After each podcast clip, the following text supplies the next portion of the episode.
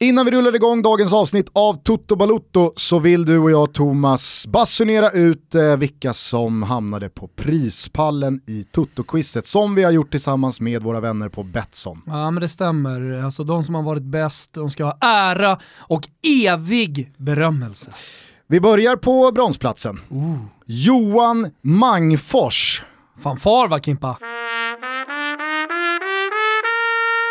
Han löste en bronspeng. Slagen blev han dock av silvermedaljören Jens Holmberg. Stor respekt, stor respekt. Vinnaren här nu då. Oh, kom då! kanske en eh, trumvirvel från superproducenten. Vinnare av Toto-quizet 2019 och alltså en resa till Spanien för EM-kvalet för Gulo Gulo är Patrik Kalin. Ja, det har det är en vinnare. Har man ju på namnet va? Han har vunnit hela livet. Ja, det är, det är en vinnare. Han har inte haft många motgångar. Stort grattis säger vi till Patrik, Jens och Johan. Eh, Stort tack också till alla som har varit med och deltagit. Eh, Jag satte min eh, Pepsi här i halsen när jag dessutom fick från Betsson att vår gode vän Kristoffer Kviborg, han slutade faktiskt på en 44 plats. Ja, det är faktiskt helt otroligt alltså. Han ska fan ha respekt, för det tror man inte om Kviborg, men, men han sitter inne på en del kunskap. va? Vet i fan hur han nästlades in i den där finalen, men eh, där var han i alla fall och löste en 44 plats. Så att, eh, bra jobbat Kvibban. Nu kör vi Toto.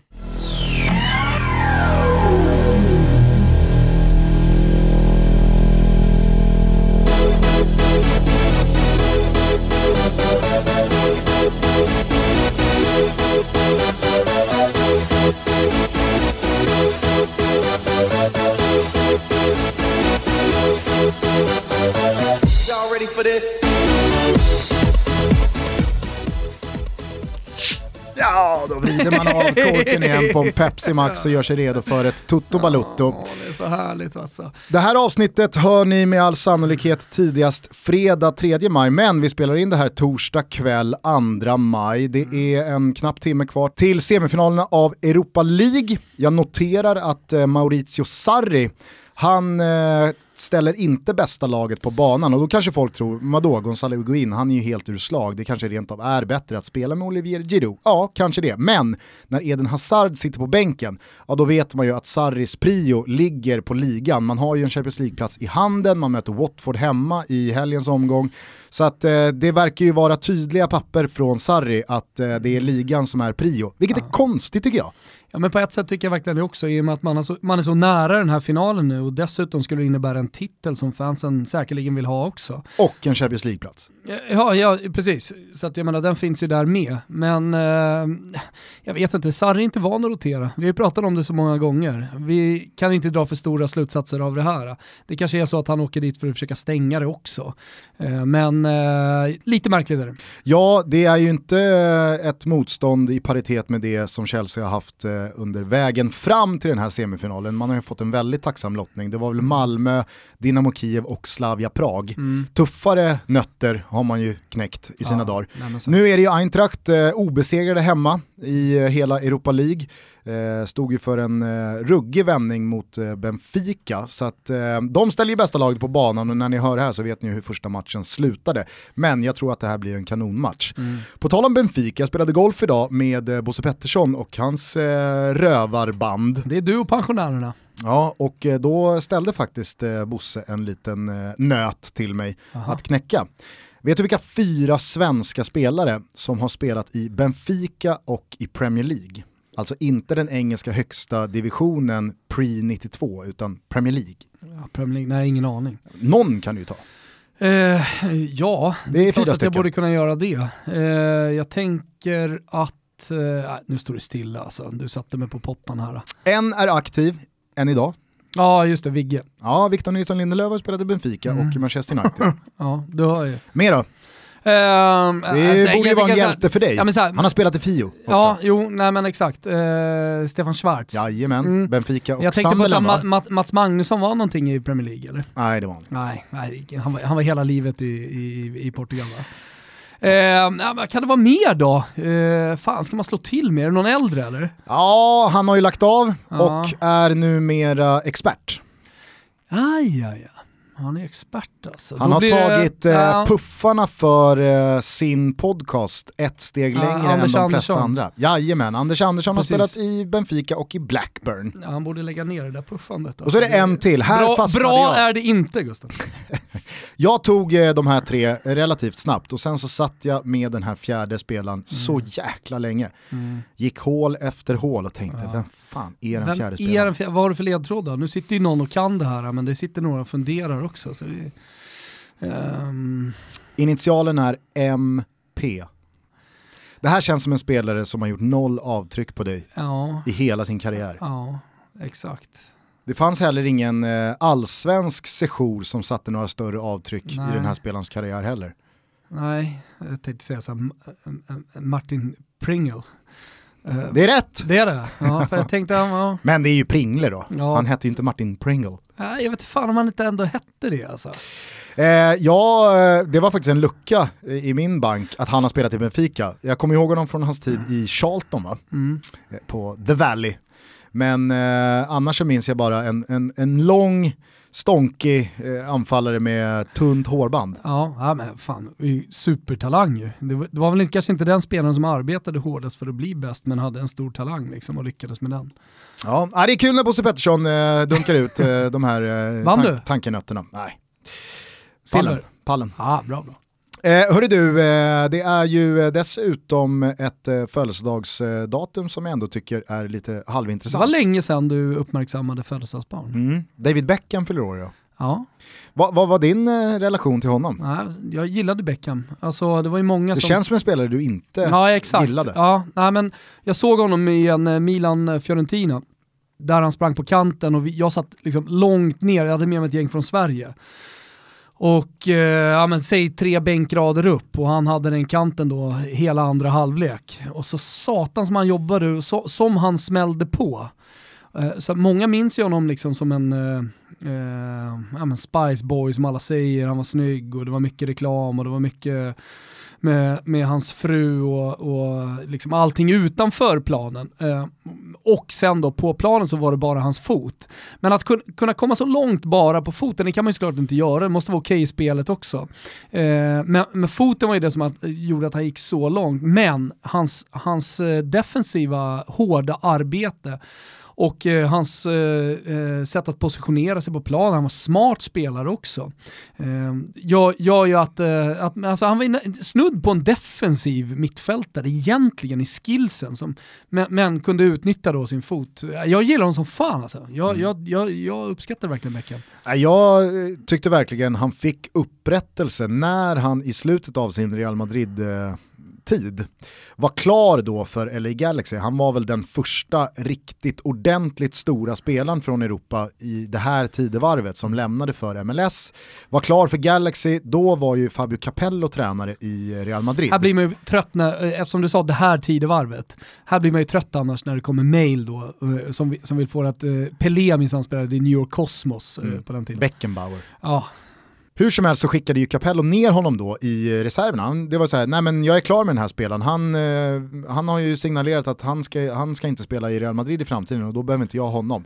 Men efter några månader då så eh, kröp ju Capello till korset och på en presskonferens så sa han att jag har aldrig varit med om en spelare som har visat en större professionalitet än vad Beckham har gjort under de här månaderna. Han har inte gnällt någonting, han har inte yppat ett enda negativt ord i media, han har gnuggat hårt med liksom U19-laget på de träningarna, han har fått spela några reservmatcher och liksom gjort det stenhårt och varit precis lika professionell som eh, ifall han hade varit en nyckelspelare i A-laget. Så då tog ju Capello honom till nåder. Och så fick han avsluta i Real Madrid eh, sista månaden, en och en halv månad och så var han med och vann den där ligatiteln som, som de tog efter ett par titellösa, eller i alla fall eh, ligatitellösa säsonger. Och så lämnade han ju då Real Madrid med högt huvud och supportrarna älskade honom och Capello stod där och vinkade av honom respektfullt. Nej, men, och det, det tycker jag är liksom det bästa betyget om man lämnar klubbar och man blir ihågkommen som en stor spelare och att, att supportrar verkligen eh, älskar den. Och Beckham är ju den typen alltså. Oavsett vad han har varit, så, även i Milan alltså, även om han inte satt några extrema avtryck rent spelmässigt så,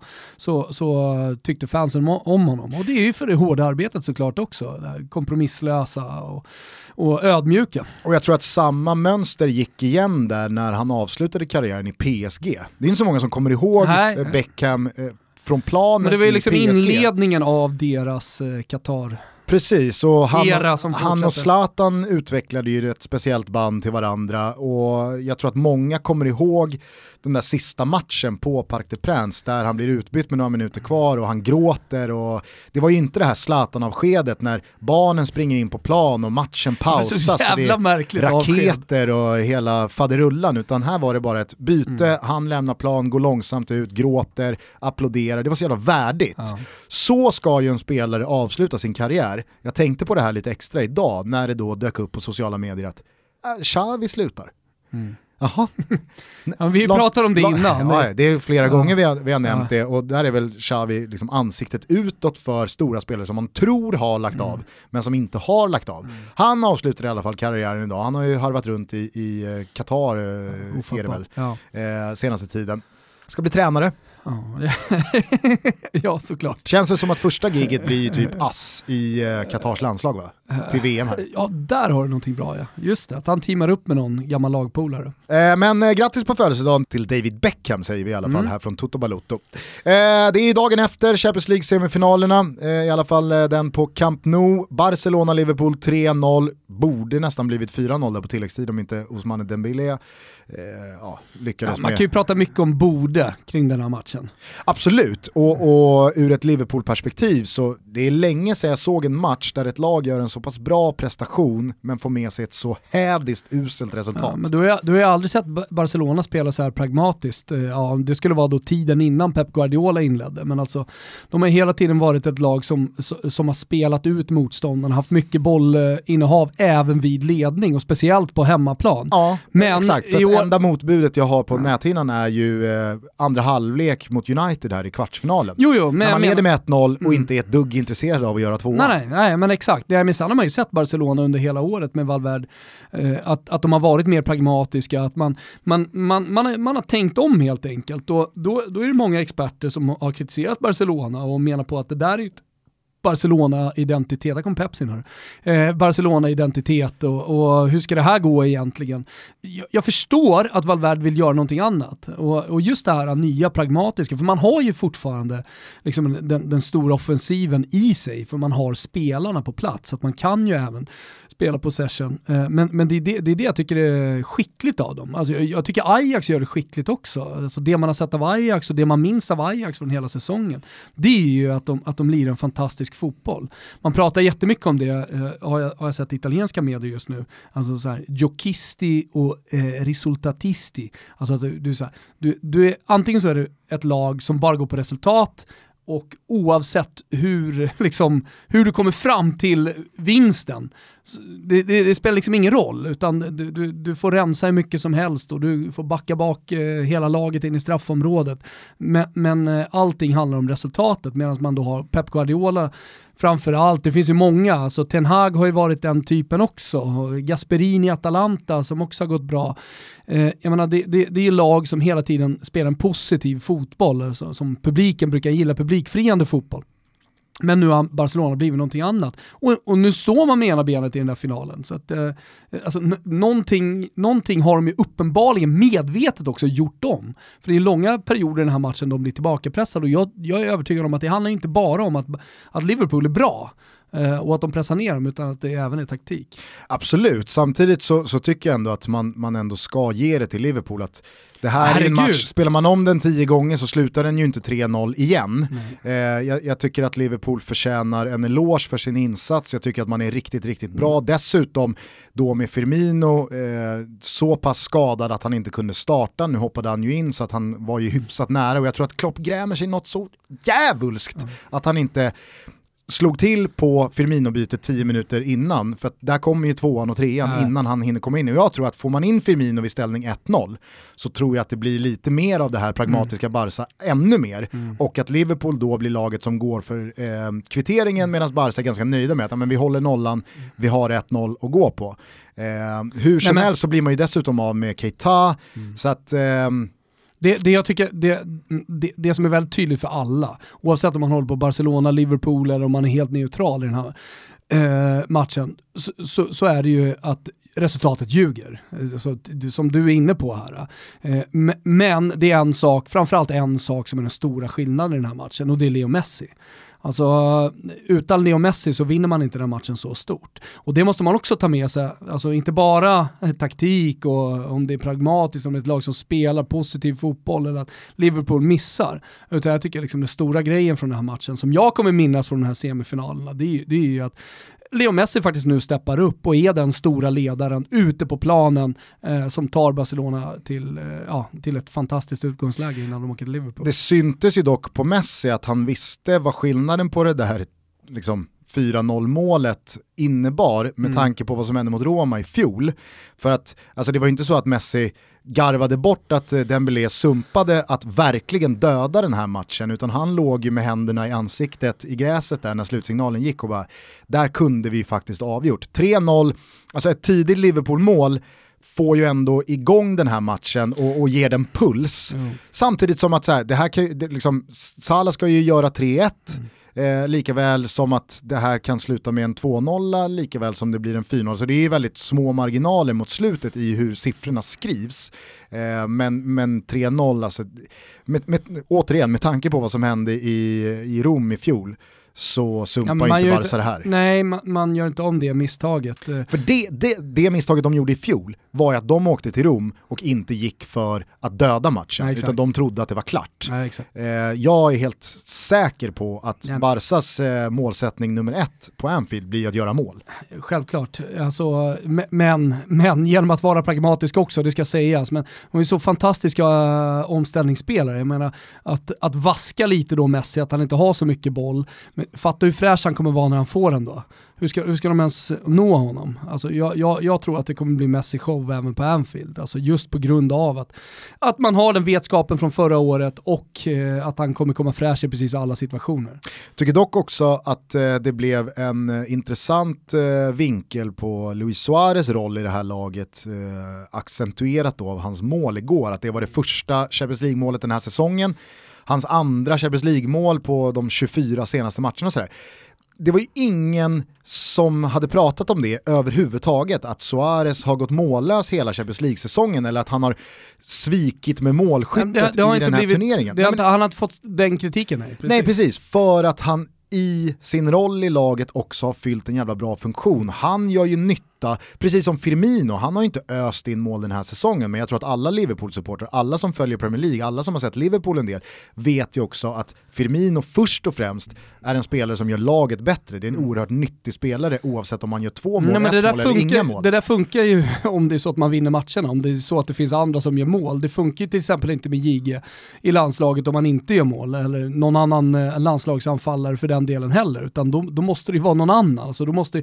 spelsystemet göra så att man sätter andra i lägen, eller hur? Mm, ja, och, och, det, det, och det, det, funkar ju för Liverpool och därför kan man också uppskatta Firmino. Benzema, jättebra exempel också under hela Ronaldo-eran i Real Madrid. Eh, nu ska vi inte tjata ut Benzema liksom, och det här är ingen jargong, men, men han gjorde ett enormt jobb. Men ingen pratade, alltså man pratade inte lika mycket om det som man gör om Suarez och om eh, framförallt Bobby Firmino. Nej, och Benzema fick ju mer kritik Exakt, än Suarez. för att han inte gjorde mer mål. Men, men det har ju alla pratat om, det har ju till och med Ronaldo pratat om, att liksom utan Benzema så hade, hade jag inte varit lika bra. Det är sånt fruktansvärt världsklassavslut av Suarez igår. Alltså det är, det är så svårt, det. det. är så svårt att styra den, med, alltså han, han nuddar den så lite. Mm. För att nuddar han den mer så får han aldrig den på mål. Då går den rätt ut till inspark med en ordentlig fart. Utan det är bara liksom, det är en hockeystyrning. Men vet du vad det är också? Ja jag vet, men det, det, det är en hockeystyrning, det är en styrning med känsla, medvetet. Alltså, han, han, sätter den precis där han vill. Det är ju mm, det som ja, är så ja. imponerande. Alltså det, det, det låter ju konstigt att säga som allting går så snabbt, men, men på ett sätt så är det också en kontrollerad touch som han gör. Ja. Och det är det som är så imponerande menar jag. Exakt, för att han, är det någonting han gör så utnyttjar han ju farten i Jordi Albas passning. Alltså det är ju, hur han hinner uppfatta det på, på eh, de tiondelarna, det är så imponerande. Och jag skrev på Twitter att det där går inte att försvara sig mot, sen så tog ju många på sig då stora försvarsspelshatten och skulle minsann då påtala att nej men van Dijk borde följa löpningen eller nej nej det är Matip som ska skära, alltså Ja, kom ja, sluta, ja, ja. sluta, han piskar in den där. Man kan inte, man kan inte liksom lägga det på Matip att han ska ta steget ner för då blottar han ju hela liksom slottet. Och eh, fan, alltså det, det, är ju, det, det är ju det som kännetecknar en riktigt, riktigt bra målgivande passning. Att den slås på ett sånt sätt att försvararen blir så här, är det här min boll eller ska målvakten komma ut här? Målvakten blir, ska jag ta den här eller ska försvararen gå in och bryta den här? Den slås ju dessutom på ett sätt som att hur fördelar man positioneringen mellan de inblandade försvarsspelarna? Äh, Det Nej, men sen är folk, bra folk, mål är, alltså. folk är jävligt snabba på att påpeka saker och ting, speciellt motståndarsupportrar då till lagen alltså som är supportrar till ri- rivaliserande klubbar. Och vår gode vän Henrik Olsson, eh, som är stor Manchester United-supporter, skickade bland annat till mig då statistik på hur Nemanja Vidic eh, då hade gjort sina första matcher för Manchester United kontra då van Dijk som får väldigt mycket hyllningar nu. Men, men alltså, eh, jag minns tydligt att Nemanja Vidic fick precis all den cred han skulle ha. Och jag tycker också att van Dijk får den cred han ska ha. Och Paolo Maldini fick också den credden. Alla har fått sin cred. Inte av eh, södra kurvan på San Siro dock. Äh, si- Sista matchen var Du tung. blir aldrig någon Baresi. Nej, ja. Som Man han... ska inte gå emot ultrasupportrarna alltså. Ja, men som, Men- En, som ändå Maldini gav det chansen att bli en Maldini. Vad Ja. staplade han? Sju Serie A-titlar. Han Och gjorde tre, allt. fyra Champions Han League-bucklor. allt alltså. Ah. Började tidigt, avslutade i klubben. Alltså gamla tider när Bandiere avslutade också. Men på tal om Twitter men, hörde... eh, ja, men innan, du, innan du hamnar där, fick man ändå inte lite känslan av att eh, van Dijk har, han har, han har lämnat, eh, han har lämnat eh, jorden? Det har stigit honom lite åt huvudet, eh, alla de här unisona hyllningarna, han blev framröstad till eh, Premier Leagues bästa spelare. Och då tänker jag på vad, han- vad han då sa i intervjun efteråt, att äh, men, eh, den, stora, den stora anledningen till att den här matchen slutar 3-0 och att Barca har med sig ett fantastiskt resultat, det är den bästa spelaren som någonsin spelat, Lionel Messi. Ingen kan stoppa honom, inte ens jag. ja, det, ja. Det sa han. Not even me. Ja, jo, då har det stigit till Nej, men på tal om Det Twitter hade han ju inte senast- sagt för ett år sedan. Nej, och på tal om att backa band i alla fall Gusten, så är det ju så att jag har ju fått genomlida 24 timmar sedan den här vinsten eh, på sociala medier eh, genom att på något sätt försöka försvara mig. Eh, är du med på varför och vad som har hänt? Ja men det är väl eh, den Berömda Föl, följetongen då kring att du stängde en diskussion, Ja. att Ronaldo då skulle Ja, men alltså det, det jag gjorde var ju att jag skrev en krönika förra säsongen när eh, Real Madrid hade vunnit sin tredje raka Champions League. Detta också då efter att eh, eh, Cristiano Ronaldo 2016 hade mycket på egen hand liksom, men utan Ronaldo så hade det aldrig hänt. Eh, alla andra spelare var utbytbara, men inte Ronaldo, utan han, han var den stora ledaren på planen återigen då, och, och som genom sitt spel eh, såg till att Real Madrid vann de här Champions League-titlarna och att Portugal vann. Men det var någon slags säsongskrönika eh, och där, där jag då ställde Messi, mer eller mindre Messis säsong då mot Ronaldos, där jag menar på att nu kan vi faktiskt stänga diskussionen. Eh, Ronaldo, eh, eh, Ronaldo är bättre just nu. Och det, och det är så här, det, Jag det kanske minns datumen fel här, men, men slog du inte den, den sista spiken efter första rundan av VMs gruppspel när då Messi Möjligt. missar straff mot Island och Ronaldo eh, gör, eh, är det hattrick han gör mot Spanien? Det möjligt.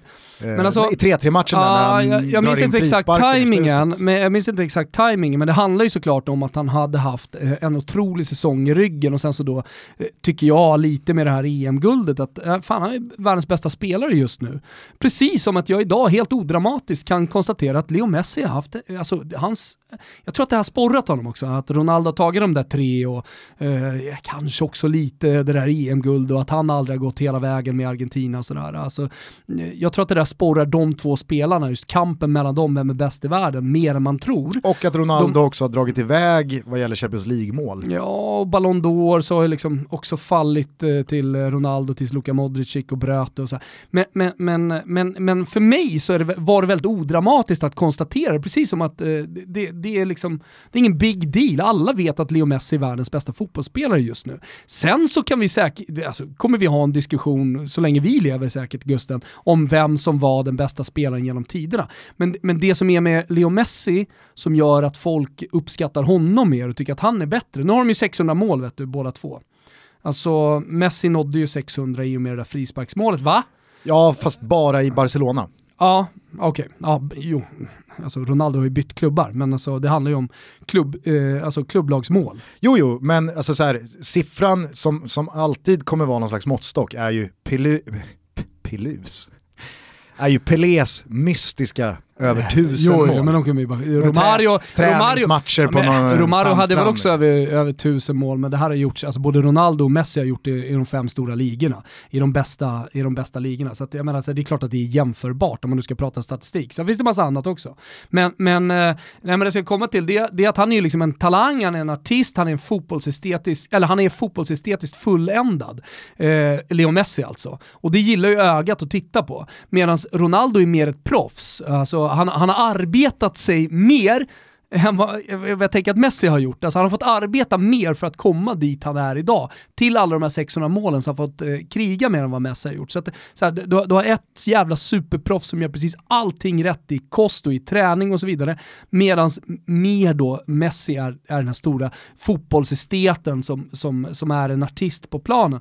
Det, det, det är klart att man liksom landar i att Messi är en bättre fotbollsspelare, jag fattar det också. Men man måste också kunna konstatera som efter, tycker jag i alla fall, jag vet inte vad du tycker, att, att, att Ronaldo haft en bättre säsong om man, om man återigen leder sitt lag till Champions League-titel. Ja, hur som helst så har ju folk fått det här om bakfoten, så de menar på att så här, ja, de tror kanske, eller de har, de har ändrat på hela, eh, hel, eh, hela krönikan och menar på att jag då menar att han var bäst genom alla tider. Ja, om jag ändå ska spela djävulens advokat så höll du väl ändå det lite på glänt, att det, går, det, det gick i alla fall att tolka det så.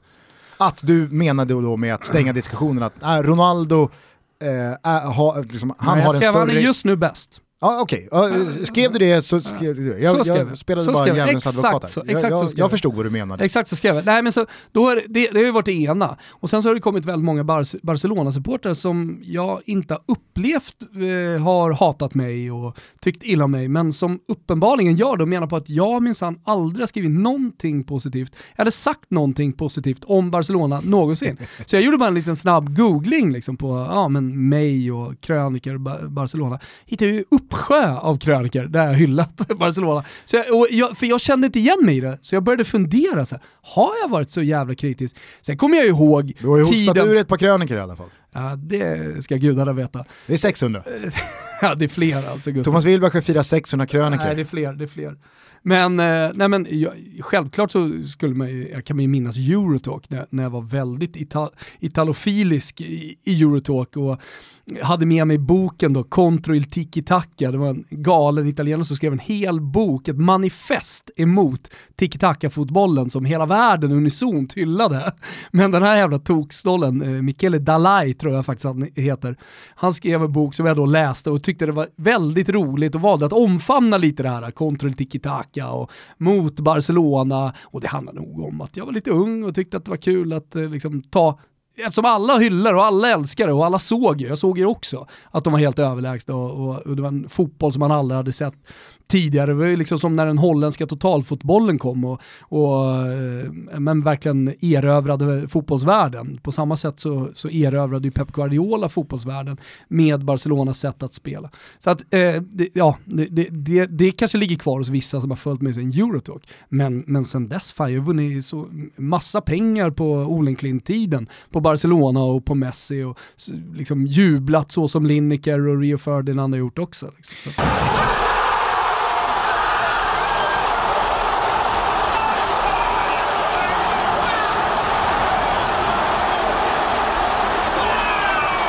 Det är tur att du inte är någon italofil längre. Som jämt och ständigt ska gå till Italien. Nej, har du hört om Brescia eller? Ja, ja, att de har gått upp i Serie A. Gustav, vad har du för relation till International Champions Cup? Är inte känslan att det är lite på gång, att man börjar intressera sig för det här va? Jo, det har ju eh, blåst eh, varma vindar över den här turneringen under eh, somrarna på sistone. det fanns ju verkligen en, en tron att ta mm. från alla Emirates Cup och sådana Ja, men det där andra verkligen. dyngturneringar. Ja, ja men exakt och det finns ju några, Audi Cup tror jag någon heter och så vidare och så vidare. Men, men alltså det har verkligen satt sig nu att International Champions Cup, det är den stora försäsongskuppen. Det är 18 matcher, det är Real Madrid, Atletico, Juve, Milan, Inter, Manchester United, Bayern München och så vidare som är med här va. Arsenal och lite till. Ja men den feta matchen som man ser fram emot det är ju Juve, Atletico Madrid, där biljetterna faktiskt har gått åt som satan. Det är 20 000 eh, sålda biljetter så här långt. Och då kan man ju tycka så här, ja men fan jag kan inte ta mig dit och fan de här matcherna vill man se. Och gör man då, jo då, vi är ju sponsrade av Strive och då kan vi låta meddela att Strive har köpt rättigheten till International Champions Cup. Gud vad bra! Ja, Det här är roligt. stallet fylls på med rättighet efter rättighet. Ja. Det finns ju redan Serie A, La Liga och MLS där Zlatan spelar på primetime på lördag. Ja, det är faktiskt helt roligt. Nu behöver ni inte sätta klockorna hörni, utan ni, ni kan helt enkelt bara ratta in Strive och det gör man ju då via appen eller Apple TV eller de som till exempel har Telia och Telenor då finns den på programplats där, linjärt alltså. Eh, ni som inte har det, 79 spänn i månaden, klockrent eh, läge att verkligen hoppa in här nu och se Zlatan primetime på, på lördag, lite konkurrens också från annan fotboll. Så att 20.00, då är det på Strive och då ska ni vara med, det är bara att gå in och signa upp nu. Tack Strive för att ni är med och möjliggör Toto Balotto. Men eh, innan vi släpper det här så tyckte jag att eh, Niva satte fingret också på någonting Asså? intressant i, i, i gårdagens studio. Eh, för jag har aldrig riktigt tänkt på Messis tid i Barcelona som sådan, men jag tyckte att det Erik ringade in igår var jäkligt intressant det här med att idag så, alltså, det går väl att argumentera för att Messi gör kanske sin bästa säsong klubblagsmässigt i karriären. Nu återstår det ju eh, ett par matcher, eh, alltså ligan är ju klar men en cupfinal mot Valencia och eh, det ska ju ändå, det ska ändå säkras en Champions League-buckla. Lyfter de inte den, då är det klart att den här matchen och många andra insatser kommer ju falla lite i glömska. Det här ska ju leda fram till att de faktiskt vinner den där bucklan för att det, det, det ska få maximal effekt. Men jag tycker att Erik sa det jävligt bra igår att nu så är Barcelona ett lag som spelar väldigt mycket för Messi, precis som Real Madrid var ett lag där Ronaldo var hela tiden eh, centralfiguren, galjonsfiguren. Allt skulle gå genom Ronaldo. Det var Ronaldo som skulle göra det och laget var liksom byggt för det. Inte att det fanns tio alibi-spelare, det fanns riktigt, riktigt bra spelare runt Ronaldo. Men det var aldrig något snack om eh, vem som är den självklara slutprodukten. Och tänker man tillbaks på Messis tid i Barcelona så, så jag säger inte att han har, har sprungit i, i någon skugga ute på kanten och varit eh, nummer två eller nummer tre. Men i väldigt många säsonger så fanns ju Iniesta och Xavi. Och de var ju i många säsonger både symbolerna för klubben mer än vad Messi var det var ju spelare som påverkade laget väldigt mycket, att framgångarna tillskrevs även dem. Längst bak fanns lagkapten eh, Carlos Piol som var väldigt mycket eh, ledarfiguren och, och han som stod för grintan och kämpaglöden. Och man, man fokuserade väldigt mycket på honom. Och sen så kom Suarez och Neymar och så blev det en trio av Messi, Suarez, Neymar eh, där Neymar kanske inte lika många gånger, men i alla fall i så här retrospekt så kunde man ju minnas matcher där det var Neymar som gick längst fram och gjorde skillnaden, inte Messi. Idag så känns det som att hela laget är, men det är optimerat för att Messi ska vara den som kröner allting. Och då finns det ju ett motargument, ja men det borde ju då ha, ha, ha rönt större framgångar landslagsmässigt, för så har det ju varit i Argentina i vadå, åtta år. Att det, det spelar ingen roll om det är Agüero eller Higuain eller eh, någon runt om Messi, det är bara Messi, Messi, Messi. Och kanske var det då VM 2014, alltså hade de vunnit den finalen, han blev ju utsedd till turneringens bästa spelare, han var ju den som bar hela laget fram till finalen. Så att kanske var det då bara en margin, alltså nu avgjorde Tyskland i förlängningen, hade det, var, hade det fallit åt Argentinas håll så hade han ju fått den titeln också, som Ronaldo fick i och med EM-guldet. Men jag tycker att Niva ändå poängterade en sak som man inte riktigt har tänkt på med Barca och Messi, att idag, Messi kanske gör sin bästa säsong någonsin just för att laget är på ett annat sätt än jämfört med många andra år optimerat Ja, framför- för att kräma Jag ur gör, absolut jag max om av gör, Messi. Ja, ja men absolut, jag vet inte om man gör sin bästa säsong någonsin eller ja, det, det, det är svårt eftersom man har så många fantastiska säsonger. Jo, jo, såklart. Eh, ja, jo, men, men eh, däremot så gör han kanske den säsongen när han är viktigast för laget, i alla fall i Champions League. Uh, han, han har aldrig varit viktigare så här långt i turneringen i alla fall. Nej, och, och det jag menar är bara att idag så finns det ju en centrallinje i Barcelona med Ter Stegen, ja, kanske världens bästa målvakt. Ja, det, det, det är också helt, helt, helt bisarrt hur vi har kommit dit. Eller bisarrt är det väl inte, för han har alltid varit en stor talang. Men när Barcelona inledde då med Ter Stegen som kuppmålvakt och Bravo. Bravo, just det, var Bravo eh, i, i ligan. Så såg man inte riktigt den här utvecklingen. Nej, verkligen men, men, men, Nej, men, jag vill bara säga det som parentes, kommer ihåg hur mycket vi har pratat om det, alltså det här nya ute i Europa, att man spelar med två målvakter, det ska vara konkurrerande och så. Alltså lika snabbt som det helt plötsligt var liksom uttalat att man ska ha två målvakter och många storklubbar följde efter, lika snabbt så har man ju gått ifrån det. Ja. Nu finns det inga två målvakter längre. Ah, inte, inte, på samma sätt. Inte i toppklubbarna, Nej. mer i provinsklubbarna. Jaha, jo. Jag vet att... Eh, lever kvar där då? Nu är det väl kanske Ja men det är väl provinsklubben, men så här, Wolverhampton kör ju samma sak. Va, vadå, skulle Wolverhampton inte vara en eh, provinsklubb? Det är en superprovinsklubb. Alltså. Okej, okay. Watford kör också samma sak. Ja. Gomes i, i målet i FA-cupfinalen här, inte Bempa Foster. Ja. Nej men äh, återigen då, du har Ter Stegen, världens bästa målvakt, Gerard Piqué, absolut, det, det, går inte att skratta åt någon som säger att jag tycker att Gerard Piqué är världens bästa mittback. Det finns ju ett par motbud, absolut, men han är ju där. Mm. Sergio Busquets, trumma på och är kanske världens bästa uppsamlingsspelare. Det har mm. pratats väldigt mycket Kanté senaste tiden, Fernandinho nämns också. Ja, problemet med Kanté är att han har spelat en säsong där han inte har varit uppsamlingsspelare. Nej, nej men exakt. Alltså eh, om man nu skulle liksom fortsätta argumentera för att han är det. Casemiro bollades ju upp som en av de största eh, nycklarna till eh, Real Madrids Champions League-bucklor och så vidare. Men Sergio Busquets antrummar på och är ju fantastisk även den här säsongen. Jag tycker att han gör en otrolig match igår mot Liverpool. Framför honom så har du då liksom en, en Ivan Rakitic han, han, vill ju inte, han vill ju inte synas, han vill ju inte stå i vägen för Messi, utan han vet sin plats i näringskedjan mm. och det är totalt prestigelöst. Och så längst fram Luis Suarez då som vi redan har pratat om.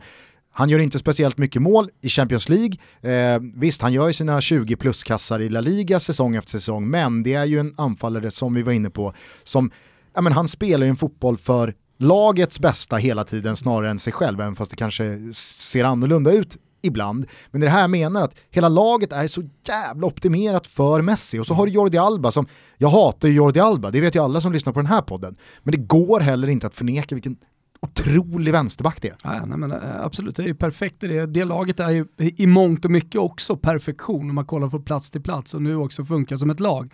Eh, men allt det här går ju att diskutera. Vem är världens bästa mittback? Vem är bäst av... Äh, nu går det faktiskt inte att diskutera Messi och Ronaldo för Messi är just nu helt överlägsen alla andra i, i hela världen.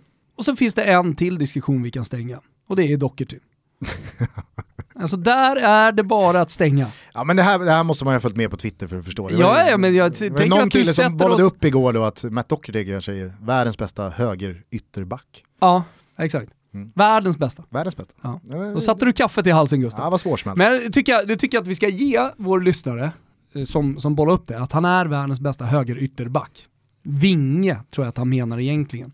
När man i Italien säger ala så fick vi in det också. Men på tal om eh, högerback, förvånande måste man ju säga att Klopp väljer att spela Joe Gomez och inte Alexander Arnold igår. Ja, det är ju ett, ett stort misstag såklart. Ja, men jag, jag tycker verkligen det. Jag, jag förstod, inte, jag, jag, förstod faktiskt inte vad, vad en han ville En av de formstarkaste spelarna skulle jag vilja säga också. Han har varit jättefin på slutet. Ja, och, och när det kommer, alltså så här, det är en sak att spela en formstark spelare och att Alexander Arnold är eh, i, i en, i en dipp, mm. men Joe Gomez har spelat det här var väl hans typ första start den här sidan nyår, alltså och 2019. Bort, borta Barca i en Champions League-semifinal. Och när Trent Alexander-Arnold har gjort den säsongen han har gjort och han är en sån viktig pusselbit i Liverpools, inte minst offensiva spel också. Alltså med hans inläggsfot, med hans eh, förmåga att hitta Sala, så, så tyckte jag att det var, ja, det var väldigt eh, svårt att förstå varför Joe Gomez tog sig in i den där eh, startelvan. Mm. Hur som helst, 3-0. Jag säger att det här eh, mötet är eh, stenstängt. Jag ser inte hur Barcelona inte ska göra mål på Anfield och då behöver Liverpool göra minst fem. Så att, eh, jag räknar in Barcelona i Champions League-finalen. Jag tycker dessutom att eh, väldigt, väldigt, väldigt mycket talar för att Ajax kommer dit också. Eh, jag vet inte om du håller med mig, men är det inte förvånande hur många som tycker så här, äh, men, det, det, här, det, här är, det här är fortfarande väldigt jämnt. Mm. Alltså Ajax får ju med sig ett dunderresultat från bortaplan och då inledde man Champions League-mötet, alltså dubbelmötet, som favoriter. Ja, framförallt kan jag tycka att de har, de har stått inför större utmaningar. Mycket tuffare utmaningar under hela, ja egentligen hela Champions League med att de hade Bayern München i gruppen också. Eh, och sen fick en ganska tuff väg hela vägen fram till semifinal och göra det man gjorde, framförallt mot Juventus borta. Att äga 45 minuter där, jag skrev det i min krönika också, alltså det är några minnesvärda, Real Madrid är minnesvärd, minnesvärt dubbelmöte. Framförallt så är matchen på Santiago Bernabéu extremt minnesvärd, kommer man inte glömma. Och sen så har man då den halvleken som man gör på Juventus Stadium, när allting ska avgöras, visa den karaktären, det modet, spela de, den fotbollen som Ajax gör. Ja, det kommer man inte heller glömma, precis som man inte kommer glömma de första 30 minuterna. Men som du säger nu, när man ska åka till sin hemmaplan, det enda som kan få dem att falla, det är någon slags choke i det här läget. Eh, där man kanske vaggas in i någon slags trygghet i sitt eget spel, eller vad vet jag, i något alldeles för stort självförtroende, jag vet inte. Eh, men men, men det, det, det, det som jag känner, känner mig så trygg i när du säger det, och som jag håller med om, det är att det känns som att ingenting som kan få Ajax att darra. Och det tror jag man ska tillskriva väldigt, eller ja, allt egentligen till Ten Hag, tränaren. Ja, verkligen. Och darre eller inte, jag vet inte hur man i sådana fall ska benämna det, men det jag blev förvånad över Visst, det går att brasklappa hur mycket som helst att Harry Kane är skadad, Heung-Min Son var avstängd, eh, man blir av med Fertongen som inte heller ska underskattas i, i eh, betydelse. I returen här nu. Nej jag vet, men det jag, det jag, menar är, det jag förvånades över eh, med Pochettinos sätt att attackera den här matchen, det var att var det någonting man borde ha liksom sett och lärt sig och förstått från mötena med Real Madrid och Juventus, det är att låt inte Ajax ha bollen. Nej då är de bättre än många, många, många lag i den här världen. Men och jag tycker att så här, visst, med ett så vinklippt lag, alltså det var ju Wanyama och eh, Lukas Moura, nej men det, det, kanske inte är några eh, superbolltrygga possession-spelare. Men jag såg heller inte Tottenham gå ut och ta tag i matchen, att nu är vi hemma hos oss, vi har publiken i ryggen, vi är i semifinal, vi har slagit ut Manchester City.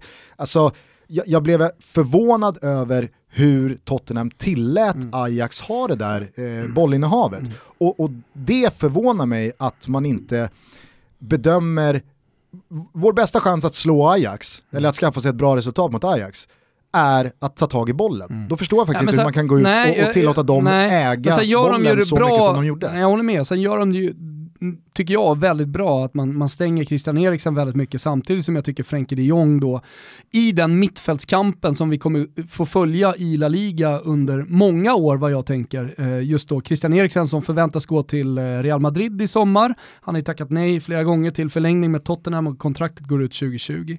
Ah, ja, i stort sett alla internationella medier skriver att det är mer eller mindre klart. Man väntar väl bara på utgången av säsongen innan man offentliggör då att han går dit. Samtidigt som Frenkie de Jong är klar för Barcelona. Jag säger inte att den ena är bättre än den andra, men det var ju en mittfältskamp som vanns av Frenkie de Jong. Ja, eh, och, och, och, återigen, jag vill, inte, jag vill inte på samma sätt eh, säga att eh, det här... Eh, du vill inte sticka ut hakan här. Nej, men jag vill du inte... vill inte få några personer, lyssnare emot dig. Nej, det är klart att det du inte... Vill, du vill ha hängslen och livrem här. Så här, jag tror att... Feg är vad du är Gusten. Jag tror att Ajax kommer slå ut Tottenham, det är jag tämligen övertygad om. Men jag vill såklart inte... Nu stack du ut hakan. Jag vill, jag vill såklart inte kalla det för lika stendött Nej. som mötet mellan Liverpool och Barcelona. Men jag tycker att det är förvånande. Alltså, Ajax startade det här eh, dubbelmötet som favoriter till att gå vidare med eh, liksom, oddset 1,75. Mm. Nu är de nere på 1,30. Alltså det säger ganska mycket om att resultatet de får med sig från första matchen är det, det, det, det ja. är dynamit. Och sen, och sen, kan man ju såklart prata om att det har skett större vändningar i, i Champions League och i fotbollshistorien och vi såg Roma förra, förra året. Självklart, så, jag menar ett mål så är man tillbaka och det, det är parita. Ja, ja, absolut, men det förvånade mig ändå, det jag inledde med att säga, att så många experter men också många så här, ja, men det, är fort, det är fortfarande svag, svag fördel eh, Ajax. Ja, Alltså nej jag, det är det inte alls. Jag har inte, det är, jag har inte hört dem säga, jag, jag har inte hört så många säga det. Men, Martin Åslund satt i efterstudion jo, som du kallade Ma den bästa är, efterstudion ja, hela säsongen. Men, Han sa det att, nej men jag, jag, jag, jag tycker att det är oförändrat. Det är jo, fortsatt eh, Martin 60 är fantastisk och han gör jättemycket bra, men just liksom sannolikhet och odds och sånt där, det kanske, det kanske inte är hans starka sida. Jag säger i alla fall så här, på tal om att sticka ut hakan. Ja. Ajax kommer slå ut Tottenham och de kommer förlora Champions League-finalen mot Barcelona för att till skillnad från Real Madrid, Juventus och Tottenham så kommer Valverde och Barcelona förstå att är det något sätt vi kommer såra Ajax så är det med att äga bollen. Mm. Därför kommer de göra det och jag tror att det kommer bli en slakt nere i eh, Oj, Madrid. till och med. Nu stack du ut hakan. Vad blir det då? Barcelona kommer vinna finalen mot Ajax med minst två mål. Vi snackar tre mål, Härligt. kanske rent av fyra. Spännande. Ja. Nej men förstår vad jag menar? Jag, jag, Nej, jag, är ändå att helt här-. Jag, jag, jag förstår hur, hur du tänker. jag, jag vill inte ta ifrån någonting av Ajax prestation, Nej. men de jättarna de har slagit ut har också passat deras sätt att spela. För jag tror inte, utan att säga för mycket, jag har inte sett eh, 32 matcher i Eredivisie den här säsongen, men jag kan tänka mig att de flesta matcher har sett ut eh, i, i ligan ännu mer som de här Champions League-matcherna, att Ajax tillåts ha bollen.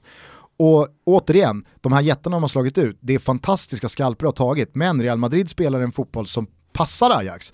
Juventus spelade en fotboll som passade Ajax. Tottenham ställer upp i den här matchen och, och ger ju dem, alltså de spelar ju Ajax rätt i händerna. Spelar Ajax rätt i händerna. Sen tycker jag också i hela den här eh, Champions League-våren som Ajax gör så har det varit väldigt mycket Mattis Delict, eh, de Jong och Dusan Tadic har ju fått eh, väldigt mycket hyllningar också. Får jag bara Fan, säga... Donny får, van de Beek, ah, alltså. var- Jag tänkte bara säga det, Donny van de Jävla Beek. spelare alltså. Nu, nu, nu har han lyfts upp och hur gammal är han? Jo, han är född 1997. Otrolig spelare. Där, där, det, ja precis, och han är en sån här spelare som är lite oklar. Vad är han egentligen? För han är inte Hazard-typen, han är inte den som kommer från ytten och, och det, det, är- det är Neres liksom. Han, han, han är ju en offensiv mittfältare. Är det en trekvartista? Ja, alltså Spelar han på trekvarten? Ja, han spelar på trekvarten alltså. Hade han spelat i Norlings AIK så hade han spelat på, i pocketrollen. Nej, men, och, och han har inte det där typiska tre, tre, trekvartista liksom, eh, rörelsemönstret på planen heller om man då minns tillbaka till den klassiska eh, trekvartistan i Rui Costa. Ut, och, Rivaldo skulle du också kunna säga eh, är, är någon slags här fantasista trekvartista. Eh, men men, eh, han, han har liksom hittat på sin egen roll någonstans i det här Ajax. Eller han har i alla fall tolkat rollen på sitt sätt. Och eh, det, det, det jag också slås lite av honom, eh, det, det är att det finns en jävla utvecklingspotential. Alltså han är ju så jävla långt ifrån klar som man, som man kan bli. Och han kommer få fortsätta i Ajax, Jag tycker en, med eh, stor sannolikhet. en detalj som jag har fastnat för just med spelare som håller till på trekvarten är, för att eh, rätta mig om jag har fel, för mig så är den gamla trekvartistan en spelare som många gånger hade två anfallare framför sig. Ja. Och då blir det väldigt mycket att eh, det är kreativa passningar som ska leda fram till att sätta dem i eh, avslutspositioner. Korslöpningar från de två anfallarna och Men- så kommer en perfekt pass. Men spelare idag på trekvarten, i och med att det i väldigt hög utsträckning spelas fotboll idag där många lag har en central spets, så blir det väldigt mycket att, följa, alltså ta sig in bakom den spelaren,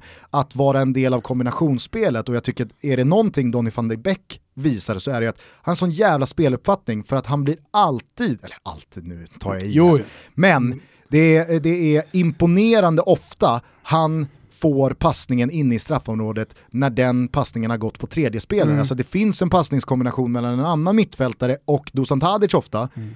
Och sen så blir det han som får eh, den andra passningen, alltså att han blir tredje spelaren. Och det är ju, tror jag, nu är inte jag liksom Uefa Pro-utbildad, men jag tror Fan att vad mycket hängslen du har hela tiden här nu. Jo men vad fan, det finns alltid de som ska slå en på fingrarna. Nej men jag tror att detaljen i att ha en eller två anfallare framför sig blir väldigt avgörande i hur ofta du tar dig in bakom och blir spetsen.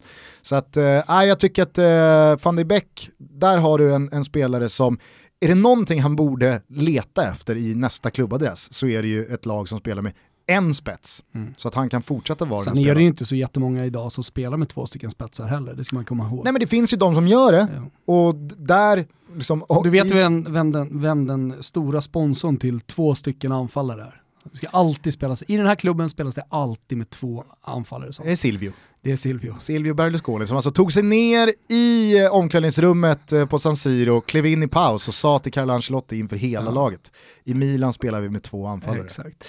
Ja, nej, eh, jag är oerhört imponerad av eh, Ajax eh, insats här. Och, ja, jag, jag vad, vad ser du framför dig för retur? Jag tror nog att Son kommer göra en ganska stor skillnad för Tottenham. Alltså man, man, får in en spelare som kan göra ett, ta sig an ett helt anfall på egen hand. Men, men som vanligt så kommer ju allting handla om första målet. Eh, står det 0-0 i paus, ja men då kommer det vara darrigt för Ajax i andra halvlek, det är jag helt övertygad om. Så det, det, det, det, kan absolut bli lite dramatiskt i den här matchen, det tror jag nog. Det, den är inte klar, det är den inte. Tycker du att vi ska dela ut en gulasch till Tottenhams läkarteam eller till eh, Liverpools eh, bortasupportrar i Barcelona? Ja, men jag är lite så trött på att hålla på och dela ut eh, eh, gulasch till folk som har varit lite fulla. Så självklart så tycker jag också att det är dåligt. Men eh, jag, jag, är snarare inne på läkarteamet i så fall, för att det, det, det där är inte bra alltså. Du kan Nej. väl spela in de som har missat, eh, alltså, för, eller jag kan göra det, för Tången får ju en smäll i skallen och eh, han, får få, han tilläts eh, fortsätta spela. Eh, och sen så visar det sig ganska kort därpå att det är en rejäl hjärnskakning som han har åkt på, han kräks på planen, alltså han, ja, han, ja, Framförallt så viker svimmar. sig ju benen. Ja exakt. Alltså, alltså han, han, kan inte stå upp. Nej, och då nej. undrar man ju, hur kan man som läkare ställa diagnosen att Ja, men han är nog fit for fight när han 30 sekunder senare inte ens kan stå upp. Ja, det, det, det, är så jävla oansvarigt. Ja, det. Det är, nej, jag, jag, ja, är jag, jag förstår det, inte hur han kunde ta sig in på den där planen, för jag fattar också att han är väl med och, alltså så här, han är väl tillräckligt med i matchen att han säger på, på ja, men, eh, reflex eller i, i, i ryggmärgen så har han att ja, men jag ska ut och köra igen. Mm. Det är Champions League-semifinal och det är, vad, vad tar nya arenan? 60 000. Mm. Eh, det är klart att han vill in. Men man, alltså, som läkare så... Äh, ja, man, du måste ju se en kraftig hjärnskakning i ögonen. Nej.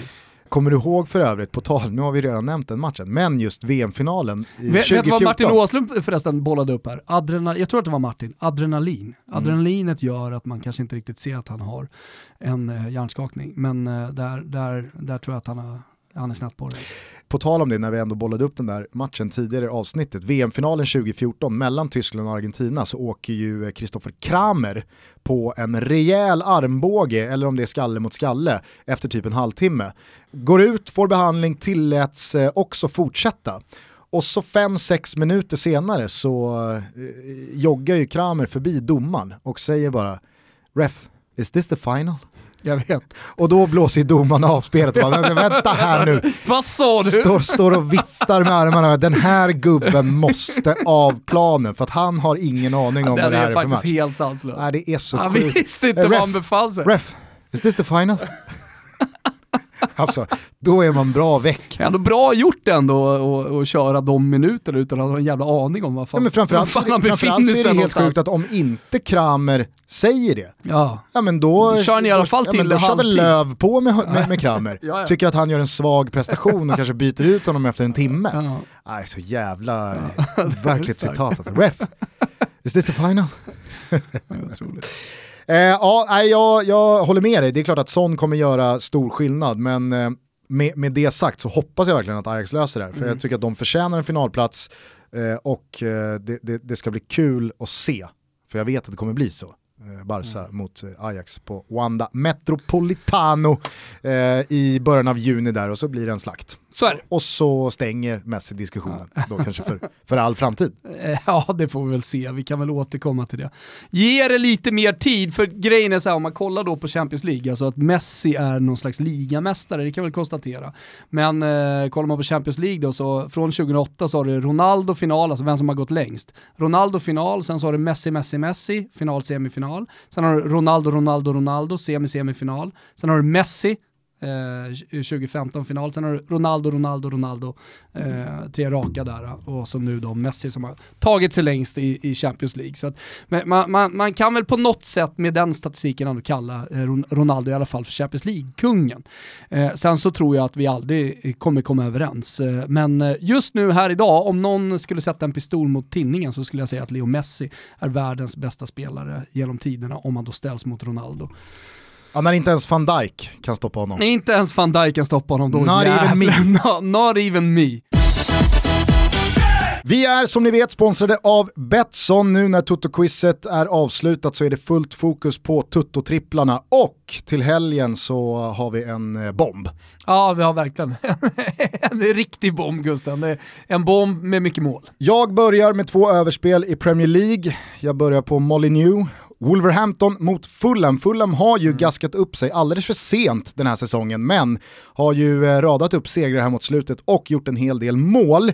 Wolverhampton vill bli best of the rest, de har ju ingenting annat att spela för och eh, jag tror att firma Diego Jota och Raúl Jiménez kommer ösa på mot ett ihåligt Fulham-försvar som kommer gå framåt och bjuda på en del ytor. Så att över 2,5 mål mellan Wolves och Fulham. Samma lina tar jag i mötet mellan Cardiff och Crystal Palace. Jag ska ha det där överspelet på Crystal Palace som besitter en riktigt bra offensiv. Men det är ju Cardiffs situation som lockar mest här. De har bara seger eh, i ögonen om de vill lösa ett Premier League-kontrakt. Så de måste gå framåt. Eh, således så tror jag både de och Crystal Palace gör mål. Så att över i Cardiff Palace. Vet du vad alla lag som förväntas ligga i botten satsar på varje säsong Gusten, i ligorna? Nej. 40 poäng. Ja. Magiska 40 pinnarna. Eh, Cagliari nådde det förra veckan så det har varit fest på Sardinien i sju hela dagar. Nu möter de ett Napoli som faktiskt inte har råd att förlora. Man kan tycka att de har hamnat i mellanland. Men Ancelotti är under press, eh, laget vill verkligen prestera, man spelar på hemmaplan, det jidder om kurvor och hi- eh, priser på biljetter och så vidare. och så vidare. Här vill man göra en stor prestation och man mosar dem bara. Minus 1,5 alltså vinna med minst två mål. Det hör ni. Jag såg dessutom att förbundskapten Mancini gick ut här och satte lite press på Insigne och sa att eh, han kan nog göra det bättre. Jag lyssnade på hela den intervjun i Tutto Convocati, min eh, favoritpodd på italienska.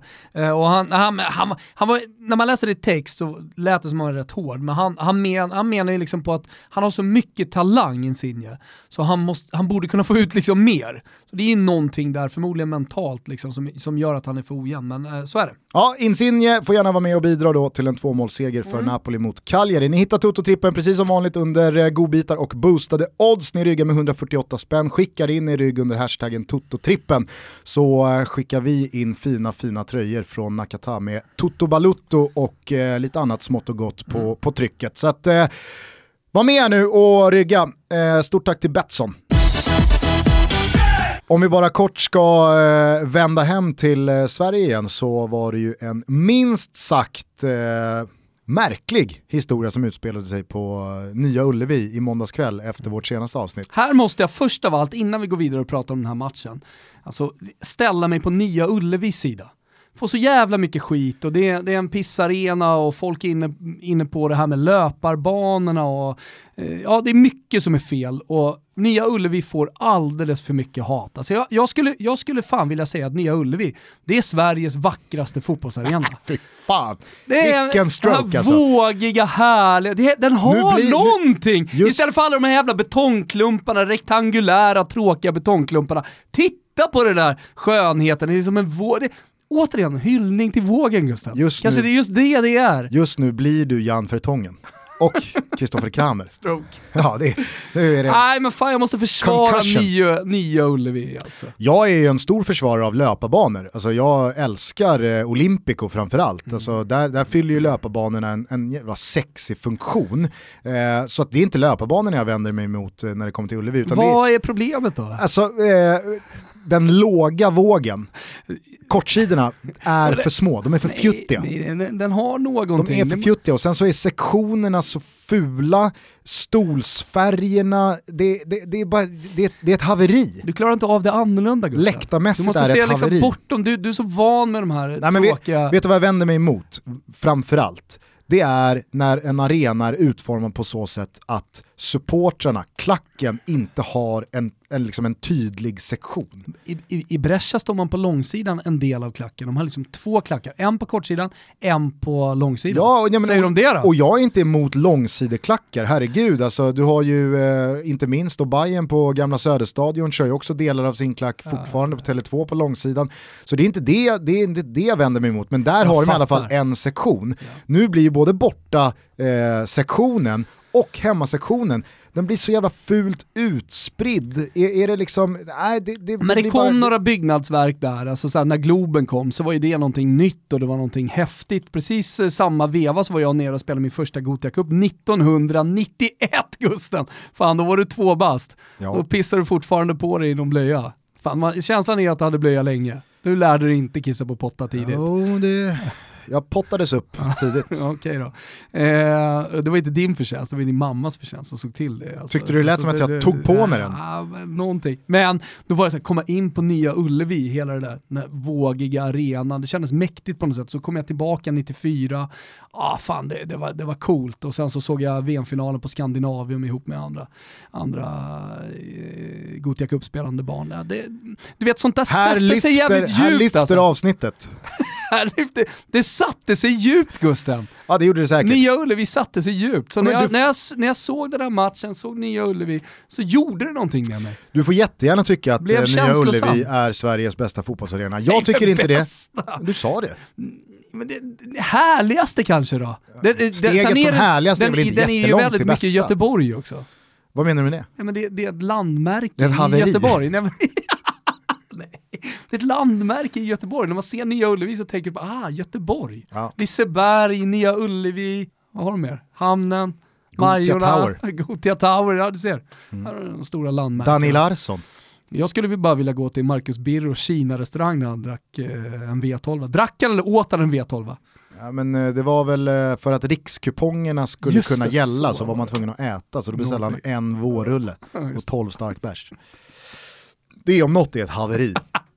Hur som helst, det här var ju något slags eh, Micke Stare-derby. Eh, vi eh, gästas av Micke Stare om eh, fyra veckor, ish, månadsskiftet maj-juni kommer han hit. Om man nu inte skulle landa ett nytt uppdrag, det var ju precis det som hände inför Toto Baluttos hundrade avsnitt.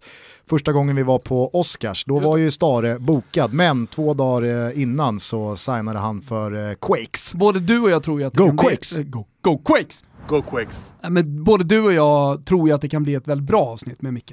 Absolut, men jag, jag skulle bara säga det, jag har en eh, molande känsla i kroppen av att han kommer hinna lösa ett nytt jobb innan det är dags för den här då? sittningen. Nej, jag vet inte, jag tycker att eh, det, det börjar ändå lukta lite Ritorno i Gnaget. Ja, du menar att Norling skulle få sparken? Eller kliva av. Ja, vi får se. Hur som helst, eh, det här var ju något slags eh, Micke Stare-derby. Eh, Göteborg mot AIK, alla Häcken-supportrar får ursäkta. Bzz, bzz, bzz. Ett, två, tre. Bzz.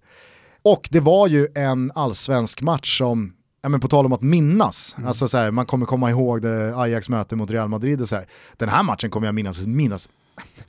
Den här matchen kommer jag minnas mycket länge. Jo, men om Göteborg gör en bra säsong, säg att de till och med skulle komma då som jag tippat topp 5. Eh, tänk om de till och med skulle ta en Europaplats. Ja, men nu, ja, men, du förstår vad jag menar. Får jag men, bara återigen spela djävulens advokat att alltså om du kan skaka fram, antingen från podden eller något annat sammanhang, där du har sagt pre-allsvenskan att Blåvitt ska komma topp 5, Ja, så får du gärna göra det. Ja, okej. För att det här, alltså din, slutpla- din slutplacering på Blåvitt blir bara högre och högre ju längre vi kommer i allsvenskan. Ja, jag vet. Men eh, nej, det, det, det, jag men, det jag menar är att den här matchen skulle ju då eh, symboliskt vara någon slags här vändpunkt för IFK Göteborg. Inte bara den här säsongen, utan kanske också för några år framöver om det fortsätter så här. Lite samma känsla kring Gnaget, fast åt andra hållet. Ah, jag tror ändå att så här, AIK är så stark organisation just nu och de, de har en så otroligt bra spelartrupp. De har ett spelsätt med Rickard Norling som de skulle kunna återvända till 3-5-2 som är så tryggt. Så att jag tror ändå de kommer ta de där lite enklare segrarna. Jag menar, som bara att att, de... jag menar bara att även fast det har hackat för AIK hela säsongsinledningen så har de ju ändå fått med resultat från matcher där det inte har sett så bra ut. Några, alltså förlusten mot Örebro var ju en förlust där ändå AIK såg helt okej ut och så vidare. Det här var ju den sämsta insatsen jag har sett AIK stå för sedan 2010. Ja, men du menar att det inte kommer en reaktion på det här då? Det kanske det gör, jag menar bara att precis som du pratade om att det här var ju matchen, för att visst, Lasse Vibe kom hem och man slog Helsingborg med 3-0 och man slog Elfsborg med samma siffror i premiären.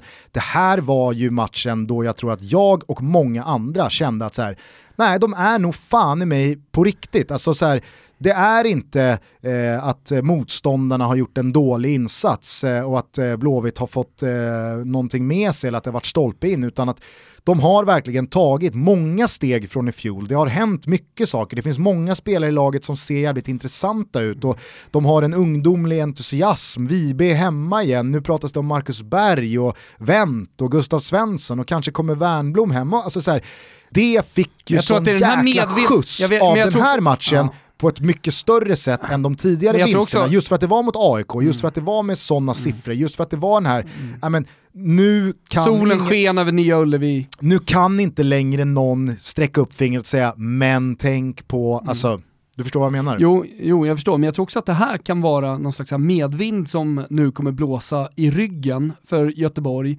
Alltså inte bara spelmässigt, säsongsmässigt, eh, utan för all del även värvningsmässigt. Att man nu faktiskt kan komma hem till någonting positivt. Inte bara så här, nu kommer du hem och du måste vända på det här. Det är det vi förlitar oss till. Utan man kan komma hem till någonting som liksom faktiskt funkar. Absolut. Och då kanske det är lättare att ta det beslutet av de här spelarna, gamla ikonerna som du pratar om. Absolut, och då i, i andra änden så menar jag då att den här insatsen, framförallt det här resultatet mot det motståndet Mm. blir ju då eh, en rikoschett för AIK för att nu så, så tror jag att majoriteten Mm. av supportrarna, inte minst också media, har ju verkligen vinkeln att nu jävlar blåser det, nu är det kris. Mm. Eh, de kanske studsar tillbaka med en stabil seger mot AFC och sen så slår de Djurgården i derbyt och så är allt frid och fröjd igen om man ligger delad serieledning eller bara någon pinne efter de som leder. Jag menar bara att hittills, fram till den här matchen, så fanns det ju, alltså tabelläget gick inte att liksom måla fan på väggen kring. Resultaten, helt okej. Man kände nog, alltså, jag tror att många ändå så här, ger det lite tid, ja men Henok har haft lite bekymmer, man har blivit av med några spelare, det kommer bli bättre. Det här var ju en smäll som ringar in att allting går ju åt fel håll Mm. Ja, alltså dels det, men sen så måste man ju faktiskt hylla IFK Göteborg i det här läget också. Alltså, de, de fullständigt kör över AIK spelmässigt. Så, så att, eh, jag tror att det var en dålig timing att möta Göteborg borta, kanske sämsta timingen på hela säsongen. Mm. Eh, och, och, och det får då menar, så att, dubbel effekt på något sätt. Eh, för AIKs del, det är rent symboliskt om det är det vi är inne på. Eh, men, men jag vill verkligen liksom så här, sätta i första, första rum här, alltså det viktigaste. Och anledningen till att resultatet blev som det blev, det var inte att AIK var dåliga, utan det var att, I- att IFK Göteborg var bra. Ja, absolut. Och jag tycker dessutom att den här matchen var intressant ur perspektivet att nästan på dagen sju månader tidigare så spelar AIK ja, men kanske den absolut bästa bortamatch jag sett dem göra också då, sen, eh, ja, men låt säga på, på tio år, sen guldet 2009, i motsvarande möte borta mot IFK Göteborg i höstas, när Blåvitt gick åt helt andra hållet, man sjönk som en sten i tabellen, Mats Gren hade precis lämnat och det var liksom, nu är det bara att kasta allt vad eh, Poja och possession-fotboll heter över bord, nu är det Hannes Stiller och 4-4-2 och nu ska vi grisa hem det här kontraktet. AIK åker ner, Göteborg får inte låna bollen och eh, de vann väl med 2-0 tror jag, men det var liksom så här, hade AIK velat så hade det blivit 5-0. Och bara ett halvår senare så är det ja, men helt andra, alltså det, det, är he, det är helt ombytta roller. Det var ju Ja, anmärkningsvärt på det, alla som, sätt Det som gör att jag eventuellt kan tro lite då extra på IFK Göteborg eh, är att jag är ganska övertygad om att det kommer krävas mindre poäng för att vinna eh, allsvenskan i år. Eh, det innebär att det kommer krävas mindre poäng för att ta en topplacering.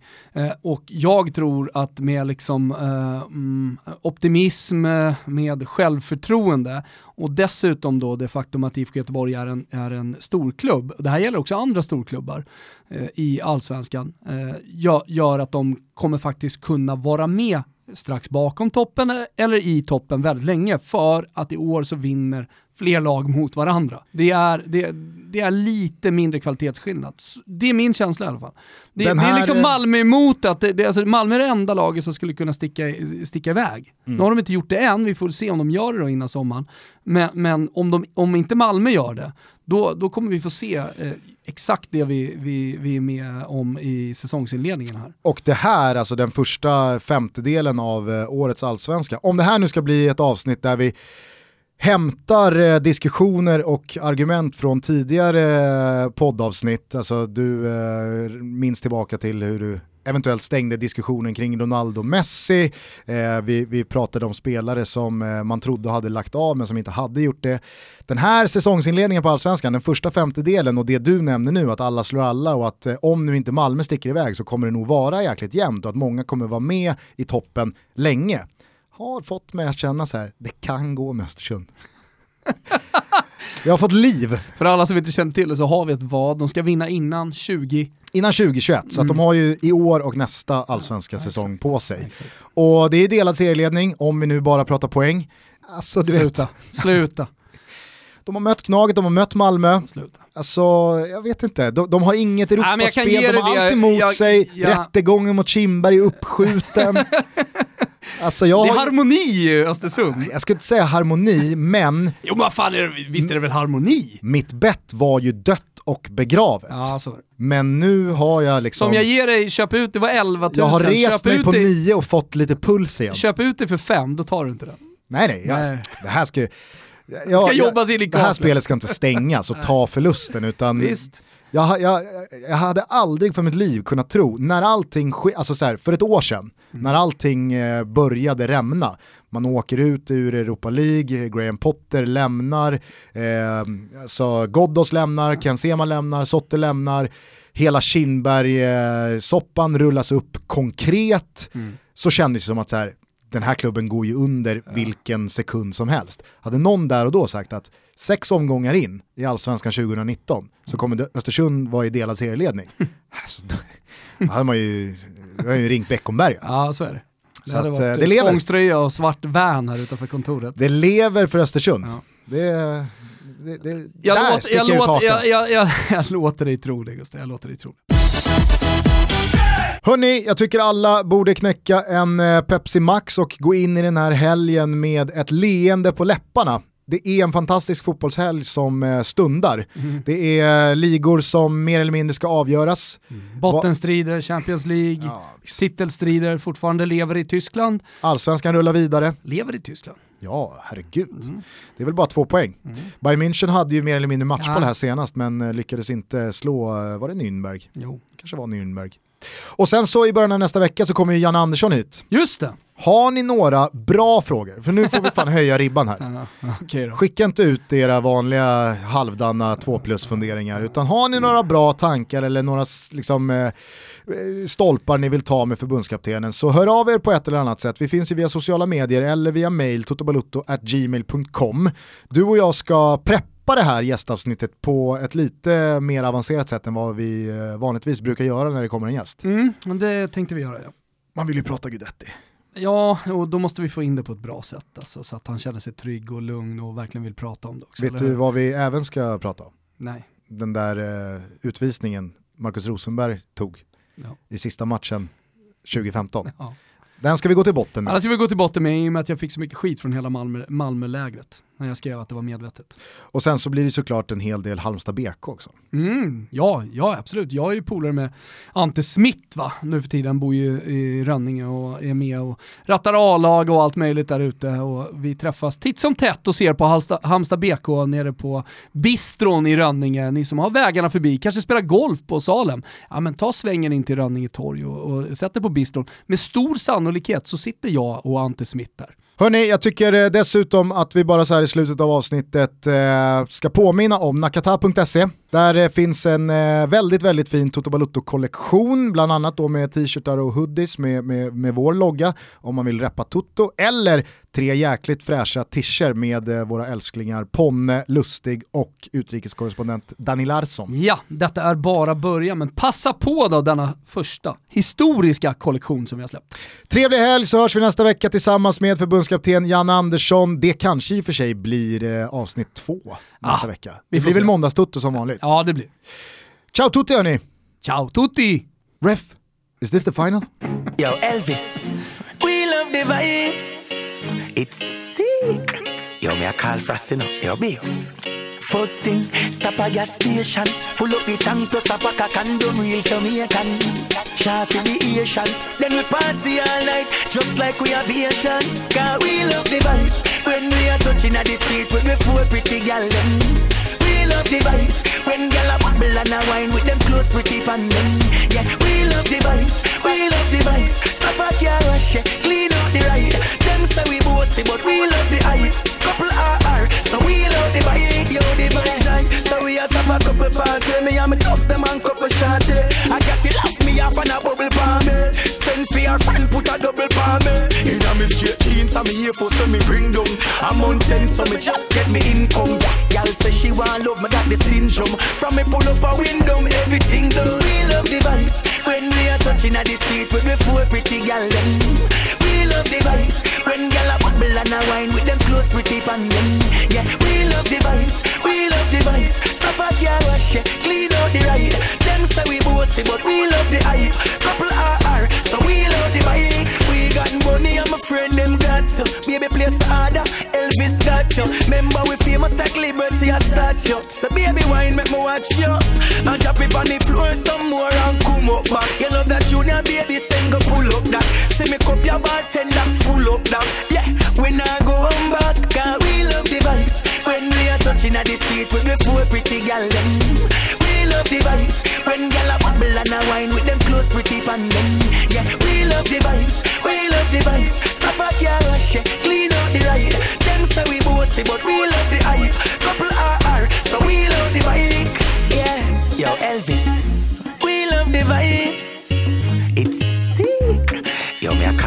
you your bills. First thing, stop at your station. Full up the tank plus a pack of condom, real Jamaican. Sharp in the Asian. Then we party all night, just like we are Asian. Cause we love the vibes. When we are touching at the street with the poor pretty gal them. We love the vibes. When gal a bubble and a wine with them close pretty pan them. Yeah, we love the vibes. We love the vibes. Stop at your rush, clean out the ride. Them say we bossy, but we love the hype. Couple are so we out the bike,